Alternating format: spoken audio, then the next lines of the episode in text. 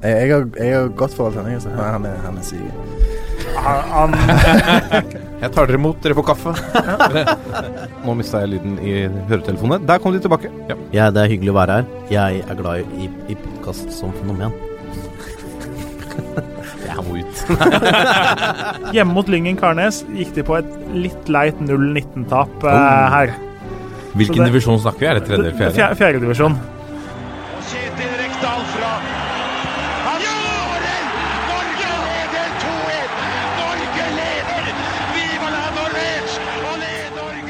Hei og velkommen til eh, toppfotball denne uken fra hjemmestudio eh, på Fettsund og på Dal.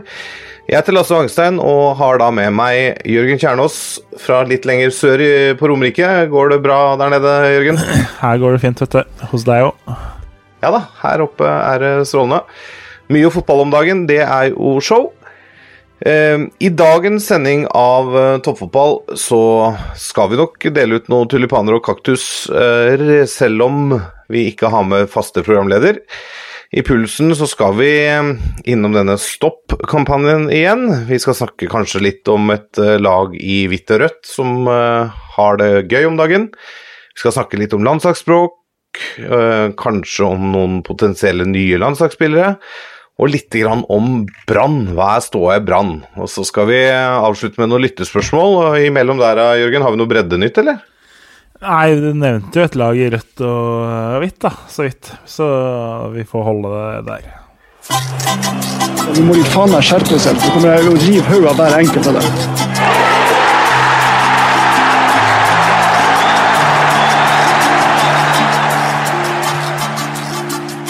Ja, da er det klart for ukens tulipan og kaktus ved spaltens president. Meg. Jeg lurer på hva du skal snakke om i dag, Lasse. Ja, vi får se. Eh, Du kan få velge. Skal vi begynne med opptur eller nedtur? Nei, vi starter vel med kaktus. Jeg tipper kanskje det blir riktig kronologisk, kanskje? Ja, det, vi gjør det. Eh, jeg kunne jo sagt at vi skal innom rasisme og diskriminering, for det sier seg selv, men den eh, kan vi jo bare la stå, egentlig, som sånn fast kaktus runde etter runde, ser det ut som. Det er jo forferdelige greier. Både det som skjer nå i Kristiansand, og utbruddet til Flamur Kastrati, selv om det skal sies, eh, faktisk en liten tulipan til Kastrati på enden av en kaktus, det er jo det han i dag går ut og forteller, at han skal bli ambassadør for skeive muslimer. Eh, Så han tar jo saken på alvor og viser anger, og det syns jeg vi skal hylle. Eh, Jeg er jo en fyr som er veldig glad i spillertypen Flamur Kastrati. Jeg er glad i at det smeller, jeg er glad i at han kjefter, jeg er glad i at han fyrer seg opp. Eh, Og så blei det veldig feil i helgen, naturlig nok. Han Helt feil ordvalg, og så Ok, så visste han ikke at det uttrykket betydde det det gjorde. Og det kunne man vel egentlig litt se i det pauseintervjuet med Jonas Berg Johnsen òg, at eh, hadde han skjønt eh, betydningen av det han sier, så hadde han vel ikke gjentatt det der. Så eh, det er jo Ja, nei, vi får se hva det ender med det her, men det er jo synd at vi må snakke om det.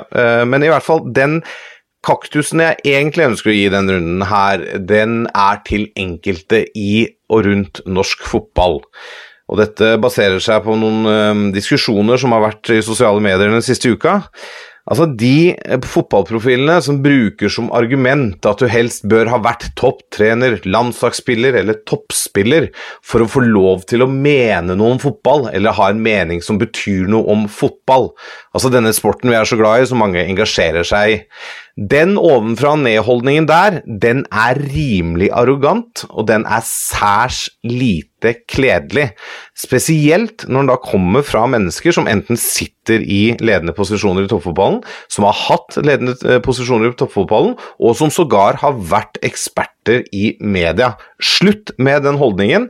Det er så lite kledelig så trenger vi ikke å nevne navn, for det har vært flere av dem eh, opp gjennom tida. Eh, hva syns du om eh, sånn innstilling til diskusjoner, Jørgen? At du bare nuller meningsmotstanderen med at nei, men du har jo ikke vært landslagsspiller, så du kan ikke mene noe. Nei, det blir jo veldig Jeg syns det var, et fint fokus av det. Noen av de har jo Det er jo litt spennende at folk som har vært eksperter for en, eh, et par måneder siden syns det er teit at andre eksperter eh, sitter og mener ting om fotballen nå.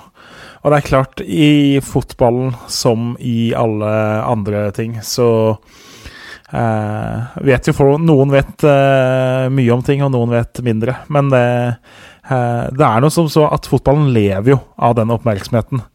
Eh, en, jeg mener jo ikke noe om hva rørleggeren gjør hjemme hos meg, for jeg har ikke peiling på det. Eh, og eh, han lever jo heller ikke av eh, at jeg sitter og ser på at han Nei, han lever jo ikke av at jeg sitter og ser på at han fikser krana heller. Så, mens fotballspillerne trenger jo, og fotballklubbene trenger jo den, det engasjementet. Eh, så jeg mener, altså i alle diskusjoner, gå heller på det noen mener, enn på hvem de er, eller hvem de ikke er. Eh, ta det de sier, og argumenter mot det folk sier, ikke argumenter mot hvem folk er.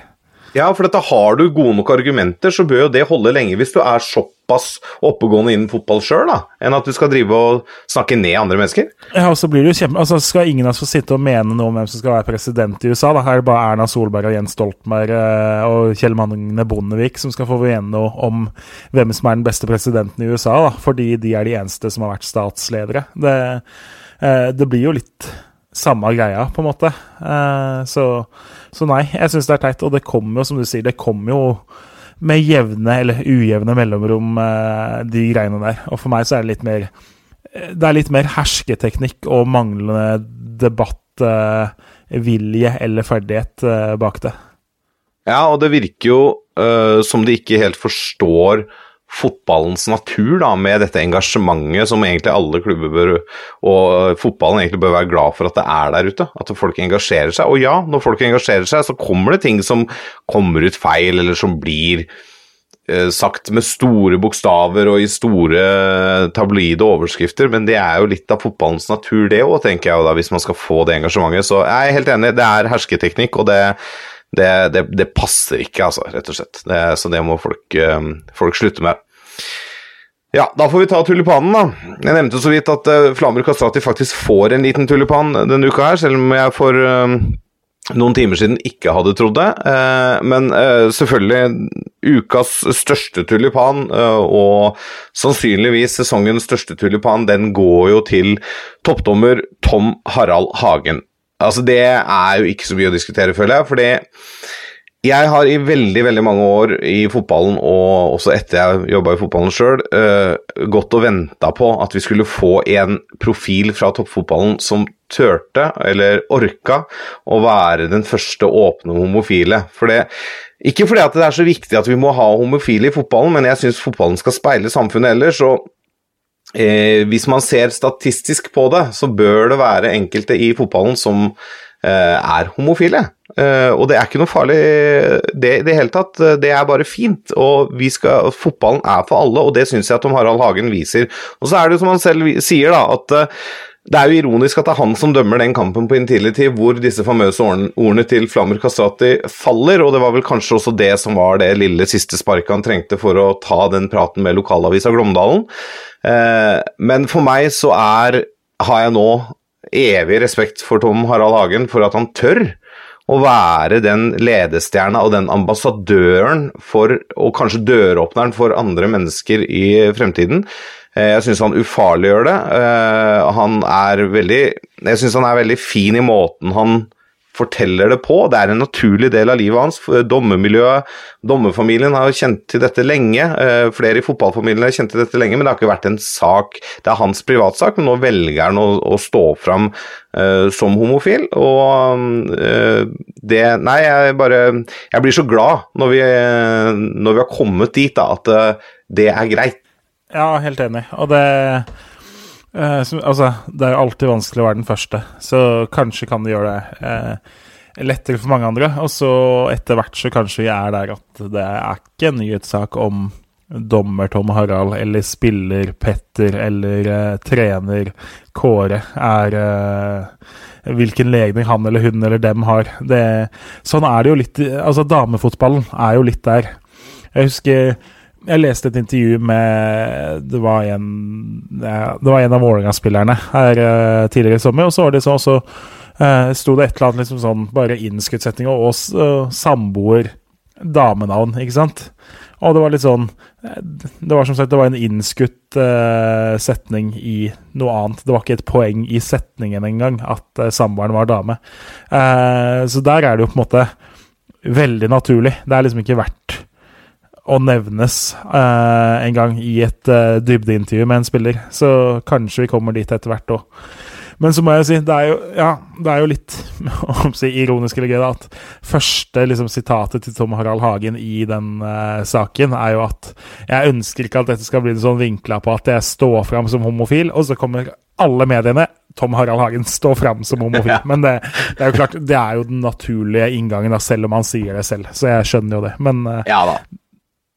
Sånn journalistisk så er jo det inngangen, eh, men eh, det er som du sier. eh, dette skal bli så naturlig at det ikke er en nyhetssak at det er homofile i toppfotballen. Det I herredelen av toppfotballen, for å si det sånn. Det, der tror jeg vi der, der tror jeg, og håper jeg, Tom Harald Hagen på en måte har lagt den første veldig veldig solide grunnsteinen. Uh, så det er en haug med tulipaner i hans retning. Det er årets tulipan og alt sammen. Vi hyller deg, Tom Harald. og ja, jeg har kritisert han mye for dommergjerningen. Eh, den lista for å kritisere han for det de neste ukene, den, eh, den blir lagt meget høyt, skal jeg si deg. For det, her er det pluss i boka. Nå kommer pulsen. Da har vi kommet til eh, pulsen, og vi eh, plukker opp tråden litt fra tulipan og kaktus. Vi skal ikke bruke lang tid på det, vi har vært innom det en del. Men stopp eh, rasismen-kampanjen til norsk toppfotball og NFF og alle klubbene ruller og går fortsatt. Likevel så får vi Kastrati-saken som vi har diskutert, og så får vi en altså et rasistisk utbrudd fra en Start-supporter mot Bryce Wembagomo i Sandefjord i helgen.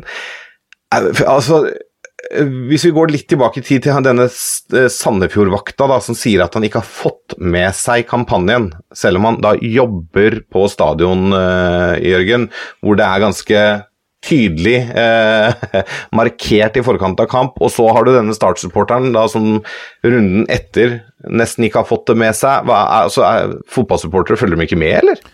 Jeg syns det, det er jo mye merkelig. Og så er det jo eh, heldigvis, eller uheldigvis, eller hvordan man ligger og ser på det, så er det jo mye færre folk på stadion nå. Det er mye lettere å fange opp når det kommer. Eh, det gjør det jo. Men eh, jeg syns jo uten å ha liksom Sånn som den Pellegrino-saken var jo litt sånn ok det var faktisk noen som var fyrt opp og var forbanna på en spiller pga. noe som skjedde på banen. da.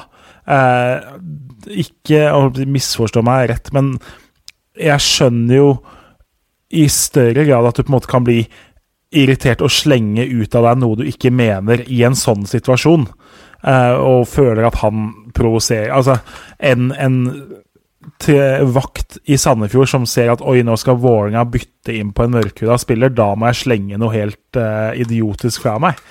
Og, og to Eh, ganger. Ja, det, og det, det virker jo liksom uh, så kontrollert og liksom Se for deg liksom at du har gått gjennom eh, lagoppstillinga nesten og sett på ok, hvem kan jeg slenge dritt til. Liksom. Det virker så planlagt, da. Og det, det overrasker meg, og at noen omtrent det, det føles som liksom, ok, nå skal jeg gå på stadion for å få slengt fra meg litt eh, rasistiske meldinger i dag. Eh, sånn som jeg ser ikke sant, Det er ikke sikkert det skjedde sånn, men jeg ser jo nesten for meg at eh, her har du hatt en plan bak det når du har sett fyren begynte å kle av seg for å komme inn på banen og sånn. Så, men nei. Og jeg syns jo eh, Helt ærlig talt, jeg, og igjen, eh, misforstå meg rett, eh, jeg er litt lei av å snakke om det. Fordi det er liksom et problem, og nå har det vært mye i fotballen. Jeg syns jo det er kjedelig å sitte her med en fotballpodkast, og så er det eh, på en måte noe vi må snakke om, da. Fordi eh, eh, mye heller lyst til å snakke om uh, Kåre Ingebrigtsens uh, manglende resultater i Brann og Fredrikstads opprykk enn å sitte og måtte på en måte snakke om idioter som oppfører seg sånn på tribuner og på banen. Det, det er ikke noe gøy. Og det, det er jo ikke sånn som blant annet LSK-sportssjef Simon uh, Mefsin har vel vært litt inne på det i, både på Twitter og i noen medier, at eh, det er ikke bare et fotballproblem. Det er jo et eh, Altså, fotballen speiler jo samfunnet. Det er jo et samfunnsproblem. Man må ikke eh, Klart, nå er det mye i fotballen og mye oppmerksomhet på det i fotballen, men vi må ikke tenke oss at fotballen er noe verre enn noe annet. Du ser det jo på en måte i kommentarfeltet overalt. Altså litt den stemninga, litt hvor lista ligger for å slenge fra seg ting, da. Så Men altså, på, på fotballbanene så kan du ikke gjøre noe annet enn å måtte få luka ut de individene det, det gjelder på tribuner. Ja, jeg må bare sitere Alexander Schou fra fotballklubben. Han sier det at uh, han er inne på det at det er et samfunnsproblem. Han sier hvis du opplever dette i sosial sammenheng, om det er familiemiddag eller med venner eller hva som helst, og noen oppfører seg på den måten da, og viser sånne holdninger, så det blir dårlig stemning. Men uh, ta det ved rota og si ifra at dette er ikke greit. Det det er bare sånn, uh, sånn, vi kan få bukt med det som et samfunnsproblem. Uh, og så er det klart, har, når man ser intervjuet med denne Start-supporteren, som naturlig nok er anonym, så skjønner man jo at man har en vei å gå, for han viser jo null anger. og sier bare ja, ja, men det er ikke Start-supporter lenger, da, istedenfor å på en måte åpne opp for at han kanskje kan gå en holdningskampanje og mener at han ikke har gjort noe gærent. da. Så det, det er jo klart at vi har jo utfordringer på det. Vi håper vi slipper å snakke så mye om det fremover, og at det blir fokus på kun sport nå når det er noen runder igjen i Eliteserien og Obos-ligaen, og det begynner å utkrystallisere seg hvem som skal spille høyere divisjon neste år. Jørgen, for FFK har, kanskje ikke veldig overraskende når man ser sesongen under ett, sikra opprykket til Obos-ligaen. Det er stort. Det er stort, og det er kjempefortjent. Det er jo sånn som man sier veldig mye. Altså, det er jo synd at det ikke er flere som får oppleve et opprykk der. Eh, 6-0 over Brattvåg, som var da kronen på verket. De har inkludert treningskamper i år, så er det én kamp de ikke har vunnet, spilt i 2020. Eh, de har en benk som eh, hadde spilt fast på alle andre lag i eh, den divisjonen. Så Eh, det er jo særdeles venta, men de har jo snubla både i 2018 og 2019, så den lille usikkerheten lå jo der. Men en fantastisk sesong, og det er jo veldig gøy å ha dem tilbake. Fredrikstad og engasjementet rundt klubben og potensialet hører jo ikke hjemme på nivå tre i norsk fotball. Eh, det er jo en klubb som på mange måter er større og har et større potensial enn veldig mange av de som spiller Obos-liga denne sesongen. Jeg var ute og meldte Jeg tror Fredrikstad blir et uh, topplag neste år. Det er jo litt tidlig å spå før man vet staller og alt sånt, men de kommer jo til å ha et budsjett som er både to og tre ganger større enn flere av lagene de møter neste år. Så uh, har de allerede en stall som er så god at hvis de treffer på et par signeringer som er virkelig top notch uh, i løpet av vinduet og vinteren, så og så er det jo så jevnt i Obos, så tror jeg de fort kan være et topp seks-lag. Uh, jeg tror Jeg blir overraska hvis de driver og kaver nedi noen nedrykkskamp neste år. Men nå ser det jo ut som de får selskap av en annen gammel storhet i eh, rødt og hvitt også. For det Bryne er jo særdeles nær eh, direkte opprykk fra den andre avdelinga, og bør klare å ro det i land uten altfor mye spenning. Så det er jo litt gøy at det er to gamle travere som er tilbake, sannsynligvis, i i førstedivisjon. Hvis den stallen Fredrikstad har nå, hadde spilt i årets Oberliga, hadde de også ligget topp seks, tror du?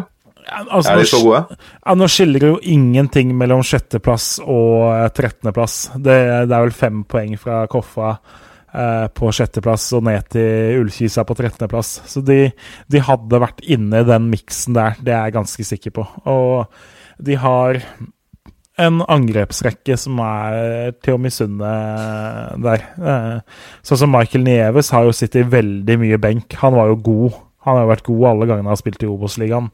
Eh, han har skåra sju eller åtte mål og har masse assist, til tross for ganske begrensa minutter. Eh, han kunne vært en forsterkning for mange i Obos. Eh, Henrik Kjelsrud Hansen hadde forsterka nesten alle i Obos. Nikolai Solberg har jo vært en god spiller på det nivået. Så Thomas Drage har begynt å se litt mer ut som seg selv etter et uh, stusslig 2019 i forhold. Så så nei, jeg tror de hadde vært inne i den miksen mellom sjette- og trettendeplass et sted, de også. Mm. Nei, gøy. Gratulerer til alle i Fredrikstad, og så håper vi at vi snart da kan, også kan gratulere alle i Bryne. Og da vet vi at det er en uh, spiss på en ganske god klubb i um, Tyskland eh, som sannsynligvis blir veldig glad også hvis Bryne får til dette. Og apropos gode spisser. Eh, det har vært litt støy, Jørgen, på herrelandslaget nå etter eh, forrige samling. Eh, Alexander Sørloth og Lars Lagerbäck har visst vært litt i tottene på hverandre, og det har vært litt, eh, det har vært, det har vært litt bråk, rett og slett. Hva, hva tenker du om den derre Sørloth-gate? Jeg tenker jo først og fremst at jeg tror jo ikke første pressekonferansen før kampen mot Israel nødvendigvis handler veldig mye om Israel. At jeg håper det kommer en eller annen journalist som har gjort skikkelig grunnarbeid på Israel, og kommer med masse spørsmål om eh, høyrebekken til Israel innimellom alle andre spørsmål eh, der. Da skal jeg humre litt for meg selv. Men eh, nei, altså, det er jo interessant at det lekker ut på den måten det gjør, tenker jeg. Fordi VG kom jo først med én sak om at det hadde vært litt bråk og sånn. Og så kom de med enda en sak som egentlig var den samme saken, bare med litt mer detaljer. Uh, uten å vite hvem kilden er. Det, hører, det føles veldig som et kontroller, en kontrollert lekkasje. Fordi altså sånne saker kan jo oppstå. Noen spillere er jo glad i å snakke. Uh, sånne ting kommer ofte fordi noen av dem liker å snakke med journalister. Noen av dem er venner med journalister. Eh, bare forteller, uten å liksom ha noen baktanker. Eh, når det her kommer liksom i to drypp, og så uten å fortelle alt, da føles det veldig kontrollert ut. Da føles det ut som det sitter en om det, altså Sannsynligvis er det jo en spiller. Fordi eh, det er jo bare spillerne og noen fra støtteapparatet som har vært eh, til stede der og kan gjengi såpass eh, detaljert. Eh, så sannsynligvis er det en spiller, og da føles det veldig ut som en spiller som har prøvd seg på litt sånn der Game of Thrones-taktikk for å få et Lagerbäck. Liksom litt sånn derre dolkestøt, nå har du noe eh, du kan bruke mot han. Ja, for Eh, det, det, det, er, det er jeg enig i. Det, det virker sånn. Og så virker det som, i hvert fall på de første pressemeldingene fra NFF, da syns jeg det liksom var litt å lese mellom linjene at eh, de la det fram som at det var Sørloth sjøl som var kilden, men jeg klarer liksom ikke heller å se at det er så veldig realistisk, da. Nei, altså, jeg, jeg har ikke peiling på hvem det skal være. Men det eh, Sørloth kom jo ikke sånn ufattelig godt ut av det, han heller. Så eh, uten at jeg kjenner han, så slår han meg ikke som eh, Altså, han ser jo selv at han kommer jo ikke i et kjempegodt lys, han heller, så det ville vært rart hvis det var han sånn sett. Men eh, ja eh, Jeg vet ikke. Eh, og så er det jo sånn Det lå jo litt til Ullmann når man etter at det her ble kjent, så går liksom tilbake og ser litt på sånne intervjuer i den perioden. Og etter Serbia-kampen så var det jo mye frustrasjon og skuffelse. Og uh, vi bomma jo totalt på taktikken, så jeg skjønner jo at mange av spillerne følte at her glapp jo en kjempegod sjanse til et uh, sluttspill. Vi evna ikke å ta den taktiske kampen. For mange av spillerne for mange av oss som så på, så føles det ut som at den kampen her var knockout-tap på det taktiske aspektet. Uh, så at det kom til å boble altså, Du må jo tåle mye når du som trener etter en sånn kamp åpner opp for tilbakemeldinger og liksom litt sånn gruppediskusjon rundt det her, da.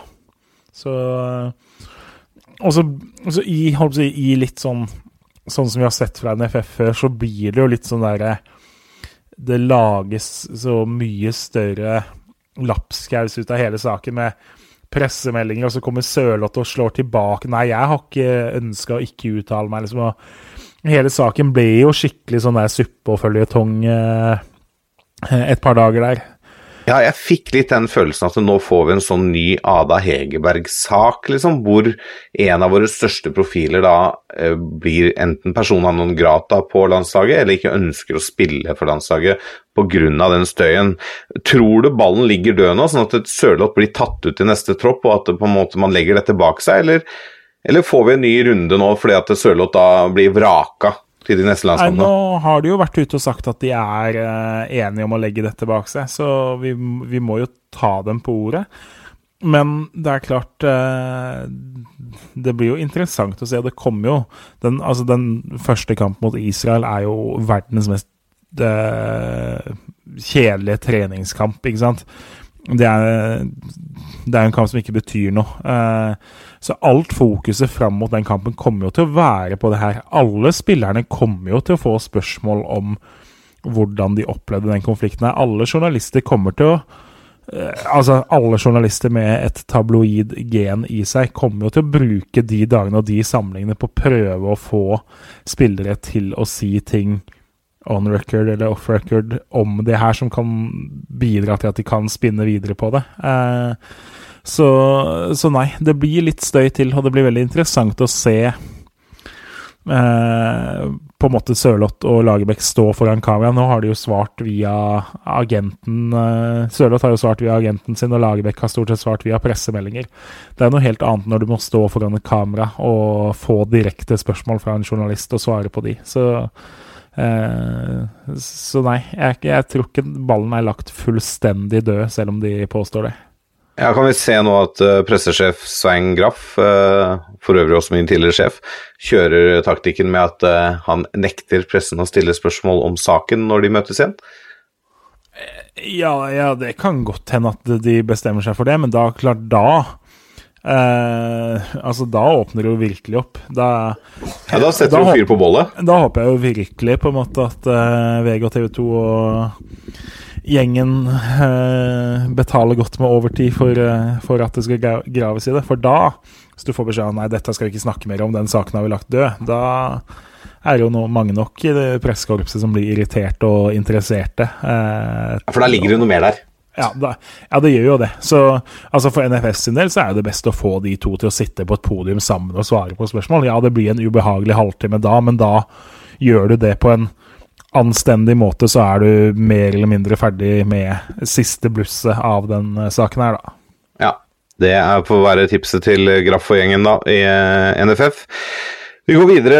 Litt landslagsprat eh, fortsatt. Vi har en spiller en, som heter Simen Jyklerød, som mange tidligere har sagt at nå må han snart få sjansen på landslaget. Og han fortsetter å herje, og kan jo være et alternativ på en venstrebekk som Altså Birger Meling var god sist, men eh, Haitam Alesami var ikke så god forrige gang landslaget møttes. Eh, er, kan han kjempe om en landslagsplass snart, eller er Lagerbäck for tro mot uh, grunnstammen sin? Eh, godt spørsmål. Jeg ble litt overraska da jeg så Simen Juklerud sto som et punkt på agendaen. Det må jeg innrømme. Eh, jeg skal ikke skryte på meg å ha sett voldsomme mengder med Juklerud fra belgisk fotball den siste tida, men jeg ser han dukker opp eh, på Twitter med litt mål og assist og seier og spiller fast og har vært på noe sånn årets lag eller hva det var for noe forrige sesong. Så eh, han var da en ganske god back i eh, norsk fotball, og så ser det jo ut som han unektelig har tatt steg i Belgia. Og som du sier, Alesami er jo Han ble jo litt hakkekylling etter den forrige matchen, men eh, jeg, jeg tror jo ikke det skjer noe endring der. Lagerbäck er jo ikke veldig glad i å rullere. og eh, Man ser jo sånn som Tokmak som sitter og presterer godt. Vi har Gaya Saeed som er tilnærma glemt. Eh, det er ganske mange som har levert eh, ganske godt uten at det har vistes i Lagerbäck sitt uttak. Så, så, nei, jeg tror ikke det. Men det er ikke så veldig mange andre om den plassen heller, selv om så klart. altså Birk Elisa, Fredrik Bjørkan, eh, bl.a. Adrian Pereira. Det kommer jo noen kandidater som om et år eller to kan være eh, høyaktuelle til å dytte ut alle sammen av den troppen. da. Banke litt på døra. Ja, vi går videre eh, fra et landslag i rødt til et klubblag i rødt, eh, Jørgen. Brann. Brenner det i Brann? Kan det bli nedrykk? Uh, ja, det kan definitivt bli Erik. Uh, nå møter de jo Sandefjord i neste kamp. Uh, skulle de tape der, skulle Mjøndalen eller Start på en eller annen måte ta en overraskende seier mot Molde eller Rosenborg, så kryper jo den Erik-streken nærmere. Og det, det er klart, altså, Brann er jo litt i den situasjonen når Robert Hauge er sagt opp som assistenttrener. Han nekter på en måte å godta den, og det er litt sånn Eh, de står mot hverandre er uenige om hva Brann har lov til. Brann har sannsynligvis ikke lov til å nedgradere han fra førstelaget. Så han må på en måte ha en rolle tilknytta førstelaget. Han kan ikke settes som noe akademitrener, eh, i hvert fall ifølge det BT har skrevet. Han er sykemeldt. Saken virker liksom å gå litt sånn gjennom advokater og litt sånn akkurat nå, så de, de står litt med den en arbeidskonflikt og uh, en rettssak som potensielt utfaller i det fjerne, hvis ikke de blir enige. De uh, står med to nye trenere som er henta inn fra Rosenborg, hvor uh, den ene tok mange gull og er hovedtrener, og den andre skulle ta mange gull, men ikke klarte det.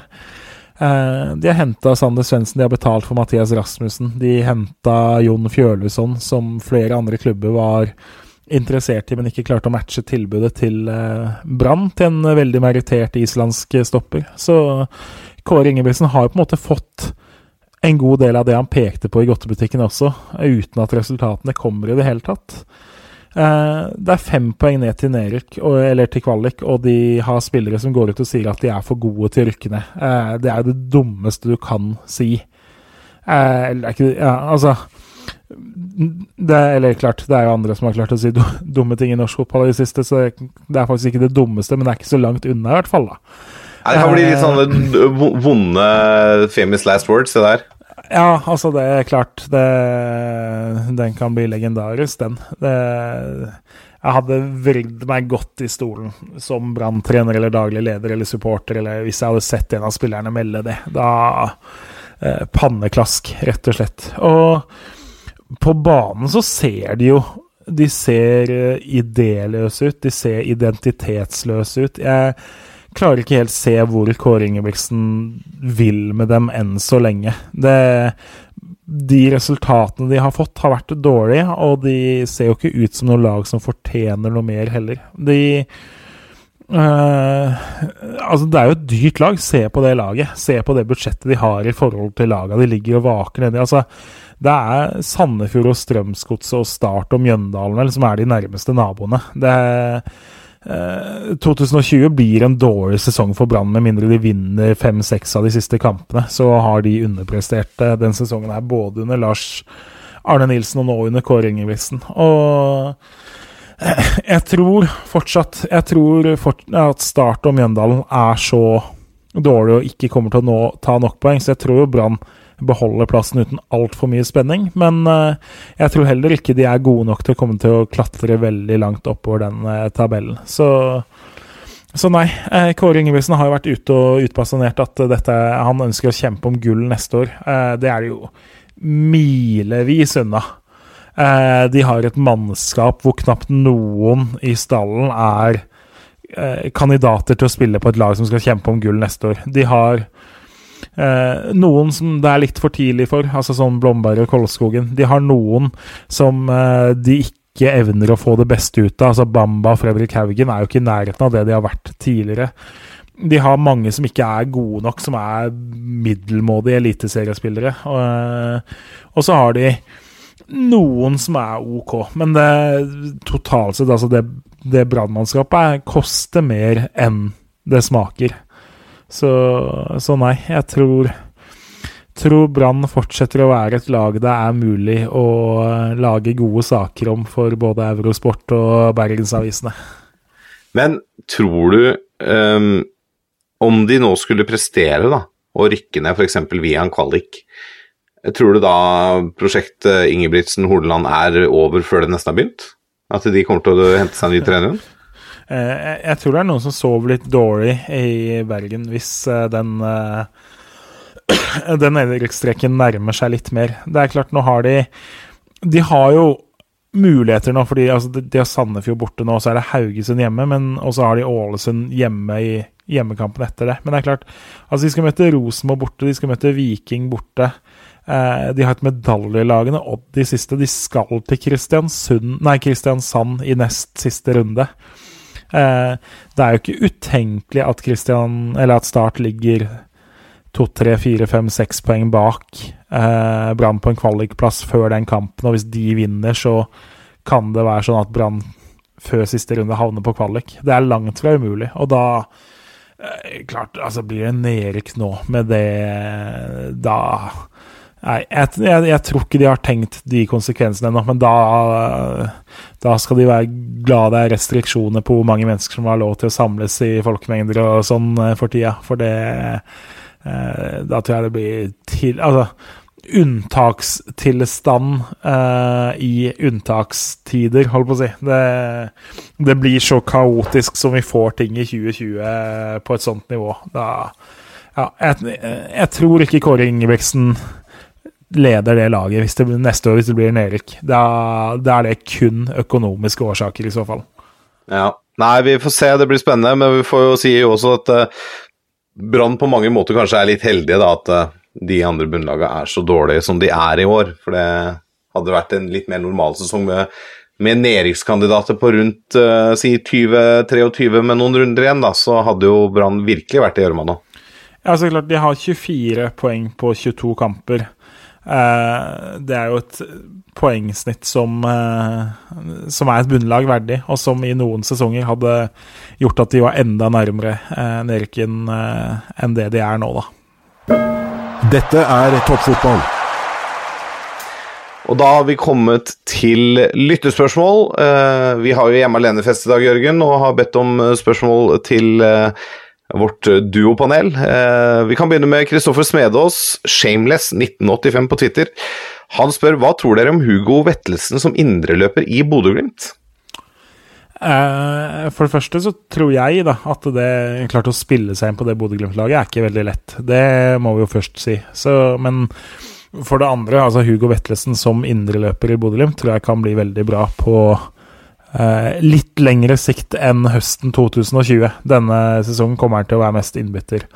Uh, krever litt mer bevegelighet enn han allerede har, selv om jeg syns han har tatt store steg også der. Så Hugo Vetlesen med en god uh, sesongoppkjøring og en god vinter hvor han legger ned knallhard innsats både på fellestrening og og eh, på hjemmebane, holdt på å si, på uh, egentrening. Det kommer til å være en uh, solid uh, indreløper der. Men det er klart, nå er Sondre Brunstad Fet signert uh, permanent. Ulrik Saltnes er særdeles vanskelig å skubbe ut av laget. Så Vetlesen er fortsatt i utfordrerposisjon. Det er han. Ja, det blir spennende å se. Det er ikke tvil om at han er en uh, god spiller.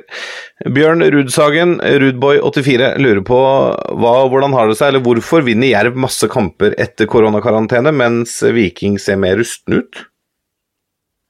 Ja, har du noe godt svar?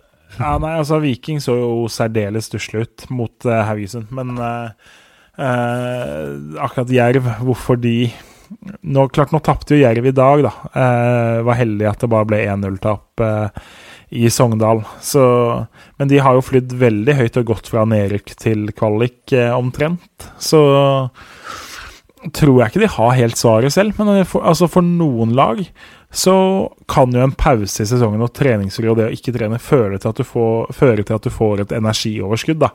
Kanskje har du på en måte tøyd lista for hardt med treninger og kamper, ikke vært god nok til å styre belastninga totalt sett i hverdagen, og spillerne rett og slett har mangla overskudd. Sånn at eh, den koronapausen faktisk ble litt eh, heldig for dem. At de, de, da fikk bygd opp det nødvendige overskuddet da, som gjør at jevne kamper vippes i deres favør istedenfor ende uavgjort eller med tap. Ja, og så hadde vi litt forskjellig inngang til denne karantenen. Viking hadde jo mange kamper med seier på rad uh, når det smalt. Og Jerv var vel ikke i kjempeform før de fikk karantenen, så det kan jo ha litt å si, det òg.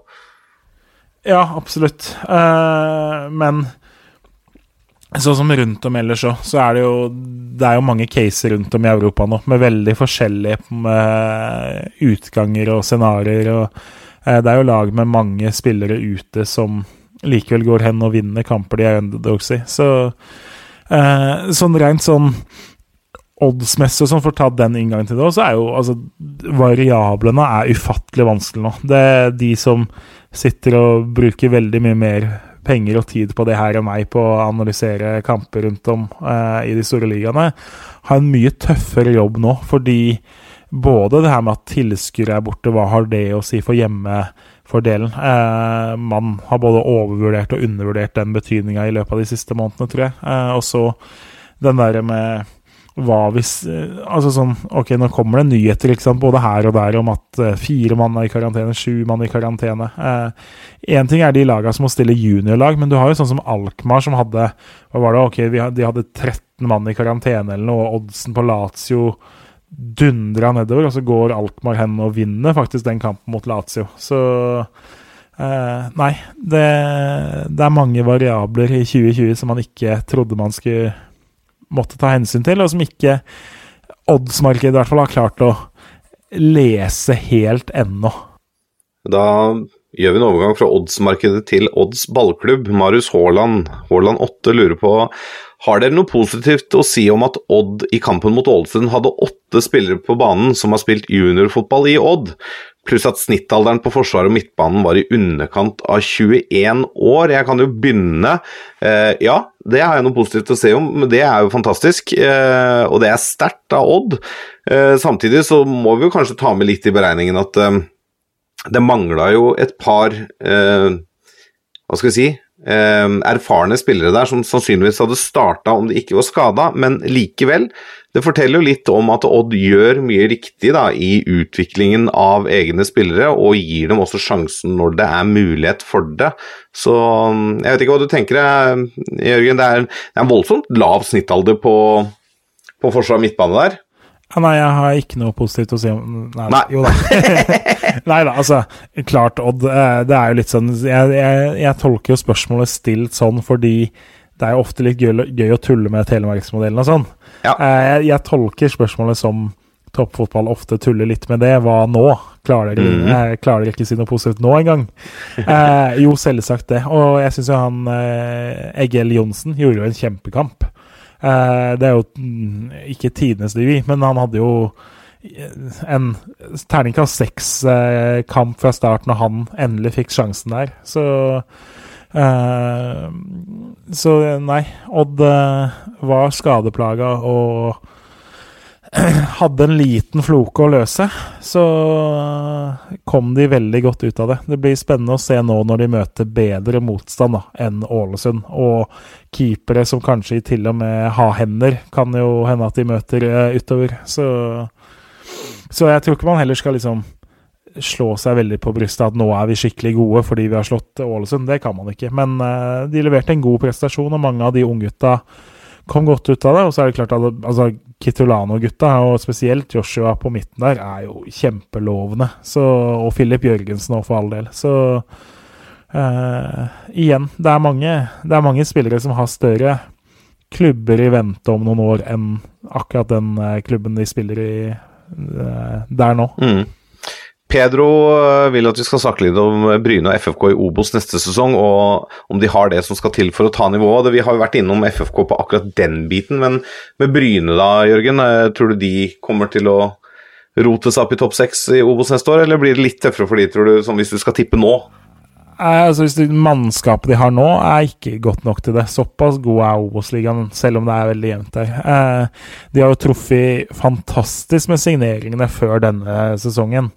Både Thierry Dabov og Joakim Holtan på topp, og så har de henta eh, på midten hvor både Romslo og et par av de andre har heva dem veldig. Kristoffer Hai har vært strålende på stoppeplass, men Eh, de trenger en forsterkning i hvert ledd, og de trenger flyt, sånn som de har hatt ganske godt eh, nå. Men eh, Bryne, igjen, altså De kommer til å ha et budsjett som er større enn f.eks. Ole Martin eh, har i Strømmen, sannsynligvis, vil jeg tro. Eh, de kommer til å ha høyere budsjett enn tre, fire, fem av laga, litt avhengig av hvem som er der. Så eh, forutsetningene er ganske bra til å etablere seg der, men så Sånn som, altså Før så var jo på en måte ikke Sandnes Ulf med i ligninga. For Bryne sånn på et femårs- eller tiårs- eller tjueårsperspektiv, så er det jo De er jo nummer tre i regionen, og så har du i tillegg Egersund, som veldig gjerne vil ha den plassen, og som økonomisk kan kjempe om mange av de samme spillerne. Så når du før, før så var jo Bryne den klubben du havna i der hvis du ikke var god nok for Viking, men hørte til regionen. Da var det på en måte Bryne. Nå har du både Sandnes Ulf og Egersund som eh, vel så naturlige valg, og kanskje mer naturlige valg enn Bryne. Så eh, Det tar nok eh, lang tid før vi får se Bryne oppe i Eliteserien igjen. Det gjør det. Men at de kan ha noen eh, sesonger eh, på nivå to så lenge de fortsetter å gjøre jobben, det er definitivt. Vi tar et spørsmål i forlengelsen av eh, Bryne, og spesielt av FFK, fra Marius, eller Nettles underscore, på Twitter. Terningkast på Freddie Mercury-opptreden til Joakim Klæbo. Jeg vet jo, helt ærlig, det har jeg bare sett uh, noen overskrifter og sånn, men det, jeg må innrømme at jeg eh, det, er ikke, det, er ikke, eh, det, er ikke, det er ikke de sakene jeg klikker meg inn på, det må jeg innrømme. Men det, eh, jeg lover å skal få sett den, så kan vi heller gi en dom kommende uke. Ja, jeg har sett deler av det, eller litt sånn med et halvt øye. Um, Ternekast tre eh, for eh, eh, for initiativ og kreativitet, eh, og også fordi at eh, jeg syns det mangla litt. Men eh, bra at eh, man begynner på. Eh, kjør på, Joakim. Fortsett med det. Eh, Vegard Bjørgå har noen spørsmål om NFF som ettergir noen pyrobøter. Den sender vi videre til Pyro Pivo og vår venn Morten, eh, Morten Galaasen. Men han lurer på eh, Eirik Bakke og Stau Now Powgate på Raufoss. hva, hva syns vi om den? Nei, det framsto jo ikke som eh, det mest sjarmerende øyeblikket i ligaens eh, historie. Det gjorde det jo ikke. Men eh, Nei, ja, det Og så har jo Strømmen har jo tulla litt med det på Twitter. Altså, det eh, det er klart det, Jeg kan jo skjønne liksom Ok, nå har vi tapt, og så sitter motstanderen og spiller vår sang. Jeg skjønner jo at du kan bli litt grinete av det, men Men det må jo tross alt også være grenser for hvor grinete du kan være av at en sang står på i eh, hjemmegarderoben, tenker jeg, da. Det, så nei. Kom, Sogndal og Eirik kom ikke kjempegodt ut av den, og jeg håper de heller klarer å løse det med litt galgenhumor, og det eh, bør vel gå. Det bør være mulig. Um, Jørn Henland lurer på hvem vi mener har vært den beste dommeren hittil i sesongen i Jeg tipper Eliteserien, da. Det er vel der de beste dommerne er, får vi håpe. Er det noen som har utmerka seg positivt uh, på dommerfronten, uh, Jørgen? Hvis vi tenker nå sportslig, da, ikke som helt. Uh, nei, altså, der òg er jeg litt uh, Litt blind, egentlig. Jeg, jeg er ikke eh, Som supporter så hadde jeg noen eh, Noen navn jeg håpa ikke skulle bli sett, satt opp til å dømme Hønefoss, for jeg visste at da kom blodtrykket til å være litt høyt mellom klokka seks og åtte på søndagene. Sånn nå så kan jeg ikke si Altså eh, Litt sånn, sånn som kanskje mange Altså, jeg har noen jeg er usikker på om jeg er kvalifisert til å dømme Eliteserien, men eh, jeg tenker vi skal få slippe å dra fram de nå. Så nei, hvem som har vært best? Rett og slett usikker. Har du noen? Nei, jeg har egentlig ikke det. altså. Vi får velge årets dommer etter slutten av sesongen. Det er noen runder igjen på å vise seg fram. Da har jeg blitt skyldt på manglende kamptrening, blant annet. Nå begynner de å få bra med kamptrening, så får vi se nivået deres nå de siste syv rundene. Vi har fått inn et eh, spørsmål fra en som kaller seg for Martin Roppestad på Twitter. Eh, hvem ville dere helst hatt som programleder? Da tipper jeg i toppfotball, da? Er det Ja, hvem ville du helst hatt som topplø... eh, Nei, det Ja, hvem ville du hatt, Lasse? Nei, jeg har hørt at det er en fyr der ute da, som heter Martin Roppestad, som er ganske flink, da. Så Ja, Tenker du at han har et sånt ekstremt behov for selvbekreftelse, og derfor sender inn dette Ja, spørsmålet? det er, det er mulig. Eh, Erling Rostvåg følger opp med Og hva irriterer dere mest med den programlederen dere vanligvis har? Nei da, det er lite som irriterer oss med Martin. Han er en eh, fin fyr. eh, men eh, for min del, i hvert fall med små barn og mye på programmet, jeg kan godt få eh, kjøreplan litt tidligere, så man kan forberede seg litt bedre til sending av og til. Da har vi sagt det òg. Så det betyr jo at mye av det som kommer her, er jo bare det bare, Vi bare kjører på. Men det blir kanskje bedre podkast av det, når jeg tenker meg litt om. At vi ikke Ja, forbereder oss. det, det, er ikke, det er ikke alle som nødvendigvis gjør hjemlekser, da. Er Nei, ikke sant. Noe, noe freestyling må det være. Litt freestyling må vi ha. Eh, Nordlink Men, eh, men, men hvem vi ville hatt som programleder? Nei, jeg, Det er vanskelig, altså. jeg har ikke peiling, jeg. Kanskje vi skulle gått på rundgang?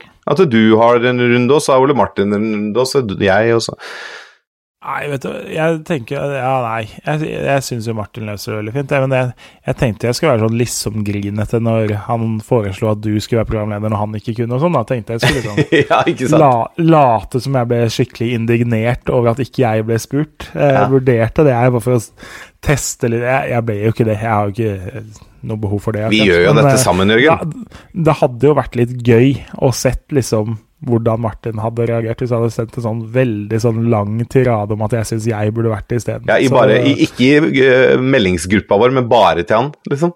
Ja, eller et eller annet sånt noe. Det, det hadde vært litt gøy, men eh, så orka jeg ikke likevel. Nei. Så Nei. nei da. Vi eh, gleder oss til Martin er tilbake neste, eh, i neste episode. Nordlink 86, eh, PostNord, å fortjener skryt. Vi er helt enige, det har vi vært innom. Og eh, FFK rykker opp med slike ressurser er jo mildt sagt lite overraskende. Det hadde vært større prestasjon å ikke rykke opp, det er vi for så vidt enig i. Um, Olai Årdal. Hvordan ville en drømmeeliteserie sett dersom målet var å få størst interesse og flest folk på kamp? Jeg regner man tar høyde for at vi ikke har koronarestriksjoner. HamKam og Fredrikstad er vel to av flere lag som må opp. Ja, jeg, jeg kan jo begynne med å si at Fredrikstad hadde jo vært gøy å få tilbake i Eliteserien. Jeg vil jo faktisk ha eh, Lillestrøm tilbake, og personlig så tror jeg også Lyn hadde vært bra. Kanskje ikke pga. flest folk på kamp i en sesong sett under ett, men i hvert fall i de to kampene hvor Lyn og Vålerenga møtes, da. Så det er noen lag. Ja, det er klart. Altså, Lyn, eller, altså, Lyn er jo det mest nærliggende Oslo-laget å få inn, da. Eh, helt enig. Jeg tror vi Hvis du hadde altså, tatt Eliteserien sånn som den er i dag, og så hadde du eh, kutta, da Altså, det gjør jo ikke noe å få Altså, Mjøndalen, Ålesund, Sandefjord, eh, og så har du jo lag som lever litt farlig, sånn som Stabæk. Klart Kristiansund har kommet veldig de siste åra, men eh, Eh, Lillestrøm, Fredrikstad, Lyn, eh, som du sier. Jeg, helst det. Eh, også ikke minst da at Sånn som nå, da. At Vålerenga ser ut som et medaljelag. Eh, at Brann er enten skikkelig gode eller skikkelig dårlige, er jo fint for interessen. Ikke nødvendigvis tilskuertallene i Bergen, men eh, eh, at det er litt eh, stabilitet der, og at eh, de klubbene som er da de minste, altså sånn Haugesund og litt sånn, at de i større grad har profiler i laga, da, og ikke er såpass grå at de får fram da typ Kristoffer Welde som eh, sin mann. Eh, men nei, eh, Lyn og Lillestrøm er en fin start. Tromsø for den eh, greia oppe i nord må jo også nevnes. Mm. Jeg er enig. Enig. Eh, vi avslutter med et spørsmål fra Benjamin Sears. Han eh, sender jo av og til spørsmål inn til podkastere, har jeg fått med meg. Eh, hvis dere måtte gjette, og det må vi jo da, siden han spør, hvem blir den neste store eksporten fra Eliteserien? Nei, altså da tenker jeg jo Når han sier store, så tenker jeg jo at da tenker man jo på at det er et bra antall millioner inne i bildet. I hvert fall tosifra, da, kanskje? Ja, og der er jo litt ulempen at både Sinkernagel og Butichi har jo utgående kontrakter nå, så de, det aller meste tyder jo på at begge de forlater Eliteserien som Bossmann-spillere om et par måneder. Ellers hadde jo begge vært nærliggende å eh, kunne tippe, da. Pellegrino er jo for gammel til at han går for noen sånn voldsomme summer. Eh, det tyder vel på at det kan bli en overgang der.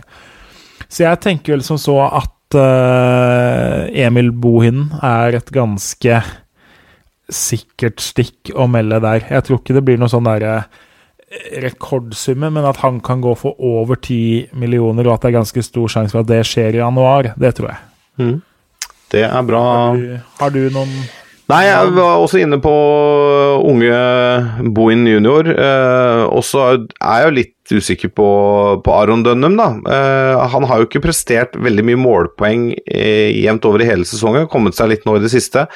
Eh, og så har han jo signert en kontrakt med en agent som er eh, omdiskutert, men som får til mye. Eh, og har vel halvannet år igjen av kontrakten omtrent, eller litt over et år igjen. Eh, Så det kan jo fort hende at han også begynner å røre på seg om ikke så lenge. Ja, og så klart, altså, Kasper Junker har 14 mål på 17 kamper, ser Ja. til å skyte Bodø-Glimt til gullet. Eh, selv om han tross alt ikke er norsk og ikke så ung, eh, så er det vel gode sjanser for at et eh, lag Altså, typisk ikke sant, Tyrkia, Russland, de ligaene her elsker å kjøpe de spissene som har skåra masse mål.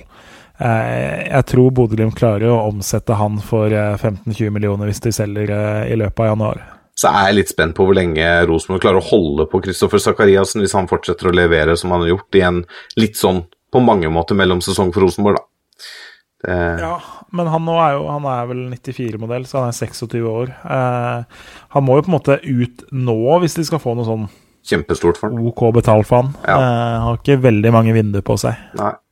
Det er sant. Det blir spennende å se. Det er jo faktisk ikke så altfor lenge til det åpner overgangsvinduet. ja, men må nevne én til, selv om eller, Jeg vet ikke om det sto Eliteserien i det, men altså Sivert Mannsverk.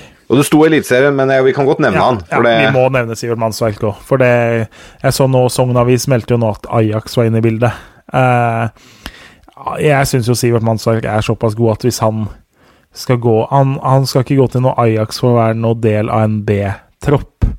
Eh, han han er så god, og han har jeg så troa på, at eh, når han skal ut nå, så kom, bør han gå til en eh, Altså, gå til Belgia, gå til Nederland, gå til Østerrike, gå til Sveits. Altså, gå til en liga som er hakket bedre enn den norske, men hvor du er en del av en A-stall og får spille fotball. men, men han, han bør ikke gå via en topp seks-klubb i Eliteserien og være der et år halvannet før han går videre. Han går rett ut. Jeg tror han går rett ut. Ja. Det, det er jo ikke noe fasit der. Jeg tror han hadde eh, Vi har vel snakka om det før. Altså Sånn som Moldes filosofi med å hente unge spillere. Altså For Moldes del så Du finner jo ikke noe bedre plan enn selg Aursnes nå for 20 mil, 25 mil eh, i januar, og bruk mye av de på å hente mannsverk, og selg han gjennom halvannet år. Eh, men om de får til det, det tror jeg ikke, for jeg tror Mannsverk er så god og så ettertrakta at han faktisk går rett ut fra Obos-ligaen. Ja, det blir spennende å se. Virkelig. Nei, eh, Jørgen, jeg tror vi avslutter denne hjemmelenefesten eh, for i dag. Ja. Skal vi gjøre det? Ja, vi får avslutte denne grottefesten eh. Vi gjør det. Vi er eh, Toppfotball på Twitter, Instagram og Facebook. Og så har du noen spørsmål til oss eller forslag til tema vi kan ta opp, så kan du sende inn der eller på toppfotballat451.no. Og da, Jørgen, vi avslutter som vi pleier, vi, selv om vi bare er to. Én, to, tre. Vi er en gjeng. Ha det!